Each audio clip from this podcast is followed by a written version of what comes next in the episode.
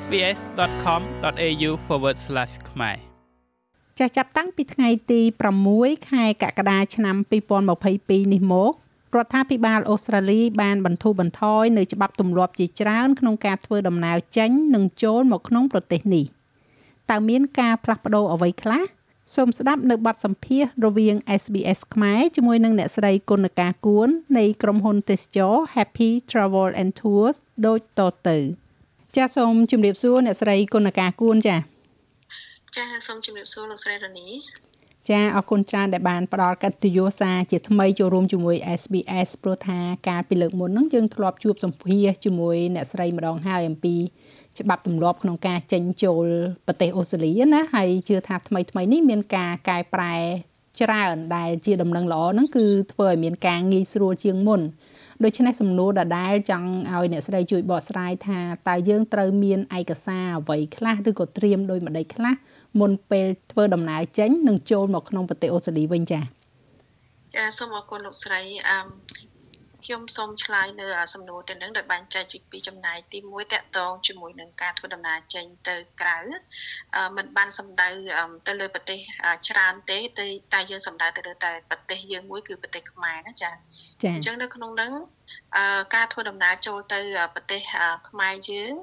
យើងនៅតម្រូវឲ្យមានការចាក់ថ្នាំវ៉ាក់សាំងធម្មតាដូចមុនយ៉ាងហោចណាស់ក៏2ដុសដែរហើយ ចំណែកกระดาษបញ្ជាក់ការចាក់ថ្នាំវ៉ាក់សាំងគឺនៅតែតម្រូវឲ្យមានដដែលចាចំពោះការទៅធ្វើចាត់ទលេស័កនៅទីនោះគឺมันមានទេដូចមុនទី1ទី2ចំពោះការពិនិត្យតេស្តមុនពេលចេញដំណើរដើម្បីចូលទៅប្រទេសខ្មែរយើងក៏មិនមានដែរអ្វីដែលមានការប្រែប្រួលគឺតកតងជាមួយនឹងអ្នកដែលមិនទាន់បានធ្វើការចាក់ថ្នាំវ៉ាក់សាំងកូវីដ ការពីមុនរដ្ឋាភិបាលខ្មែរយើងមិនទាន់បើកឲ្យមានការចូលទៅក្នុងស្រុករបស់អ្នកដែលមិនទាន់បានចាក់ថ្នាំវ៉ាក់សាំងទេតែឥឡូវនេះគាត់បានបើកឲ្យមានការចូលទៅក្នុងស្រុកហើយសម្រាប់អ្នកដែលមិនបានចាក់ថ្នាំវ៉ាក់សាំងក៏ប៉ុន្តែគាត់ត្រូវមានលក្ខខណ្ឌមួយចំនួនទី1គឺគាត់ត្រូវតែធ្វើតេស្តរហ័សពេលដែលទៅដល់ពលានយន្តហោះនៅក្នុងស្រុកយើងគឺស្រុកខ្មែរ ចាហើយបើសិនណាជាគាត់ជាប់តេស្តរហ័សហ្នឹងគាត់ត្រូវតែធ្វើចតលេស័កគាត់មានចំណុច2ទី1គឺគាត់អាចទៅ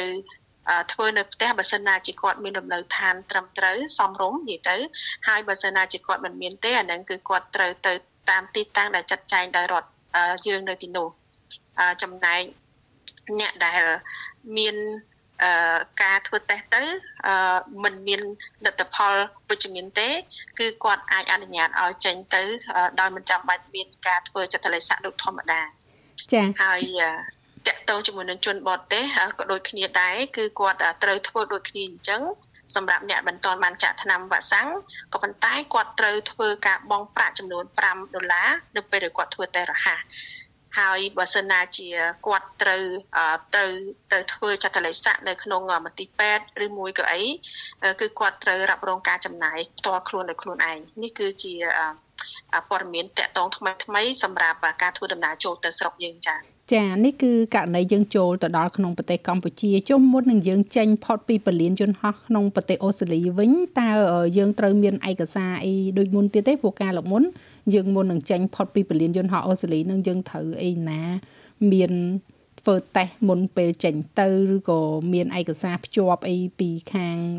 ពេទ្យពីអីឥឡូវមានឯកសារអីខ្លះដែលយើងតម្រូវឲ្យធ្វើមុនពេលចេញពីប្រទេសអូស្ត្រាលីដែរទេអ្នកស្រីចា៎ ចាដូចខ្ញុំជម្រាបមុននឹងអញ្ចឹងឥឡូវហ្នឹងយើងអត់មានតម្រូវឲ្យមានការធ្វើតេស្តមុនពេលចេញដំណើរចូលទៅប្រទេសខ្មែរទេក៏ប៉ុន្តែกระดาษចាក់ថ្នាំឬមួយក៏กระดาษបញ្ជាក់នៃការចាក់ថ្នាំកូវីដហ្នឹងដាច់ខាតត្រូវតែមានពីព្រោះដោយសារតែរដ្ឋាភិបាលខ្មែរយើងគាត់នៅតម្រូវឲ្យមាននៅឡើយទេចាចាអញ្ចឹងសរុបសេចក្តីមកខាងអូស្ត្រាលីយើងអត់មាន requirement អត់មានតម្រូវឲ្យយើងធ្វើអីទេនៅពេលដែលយើងចាក់ចេញទៅវាអាស្រ័យទៅលើគោលដៅប្រទេស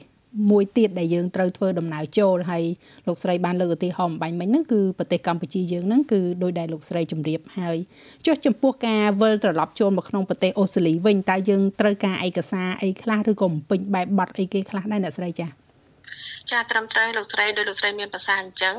អឺតាមការប្រកាសរបស់រដ្ឋាភិបាលអូស្ត្រាលី ចាប់ពីថ្ងៃទី6ខែកក្កដានេះគឺខាងប្រទេសអូស្ត្រាលីគាត់អត់តម្រូវឲ្យអ្នកធ្វើដំណើរចេញទៅក្រៅស្រុកពីប្រទេសអូស្ត្រាលីទៅហើយនឹងចូលមកក្នុងប្រទេសអូស្ត្រាលីនឹងឲ្យមានការបង្ហាញនៅការលិខិតបញ្ជាក់នៃការចាក់ថ្នាំវ៉ាក់សាំងនឹងទៀតទេចាតែនៅក្នុងនៅក្នុងករណីយើងចូលមកក្នុងប្រទេសអូស្ត្រាលីវិញនោះគឺយើងត្រូវការអីខ្លះ បច្ចុប្បន្នហ្នឹងគឺមិនតម្រូវអ្វីទាំងអស់ពីព្រោះរដ្ឋាភិបាលអូស្ត្រាលីគាត់បានលុបចោលទាំងអស់នៅរាល់តម្រូវការចាប់ពីថ្ងៃទី6កក្កដានេះទៅដោយមិនមានការធ្វើតេស្តអឺដូចមុនអញ្ចឹងពេលចូលមកប្រទេសអូស្ត្រាលីទី1ទី2មិនតម្រូវឲ្យមានការបញ្ជាក់នៅផុសតាងនៃការចាក់ថ្នាំវ៉ាក់សាំង COVID ហើយក៏មិនតម្រូវឲ្យមានការ បំពេញនៅ form DPD ឬមួយក៏ Digital Passenger Declaration ដូចមុនទៀតដែររាប់ចាប់ពីថ្ងៃទី6ខែ7នេះមកចាអញ្ចឹងមានន័យថាពេលដែលយើងចូលមកគឺដោយការពីចំនួនមុន COVID អញ្ចឹងគឺយើងមានពេញกระดาษដែលយើងខ្មែរយើងហៅថាกระดาษប្រកាសកយចាអញ្ចឹងយើងគ្រាន់តែយកกระดาษប្រកាសកយនឹងពីខាង airline ឬក៏នៅ airport ឲ្យគូសធីកខ្លួនឯងអញ្ចឹងមិនបាច់ចាំបាច់ត្រៀមអីមុនទេមិនអញ្ចឹងអ្នកស្រីណោះ ចាលោកស្រីត្រឹមត្រូវចាគឺយើងអឺអត់មានបំពេញនៅតម្រូវការសម្រាប់តកតងនឹង COVID ដូចប្រហែលខែមុននឹងទេតែនៅតែមានការបំពេញនៅกระดาษកយ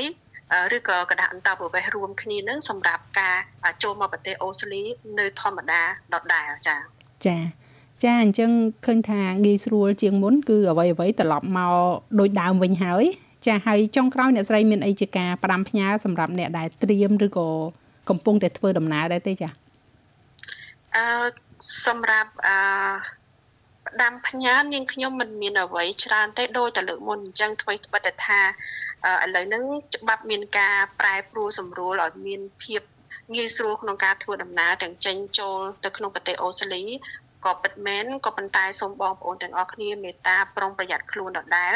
ពីព្រោះយើងនៅតែ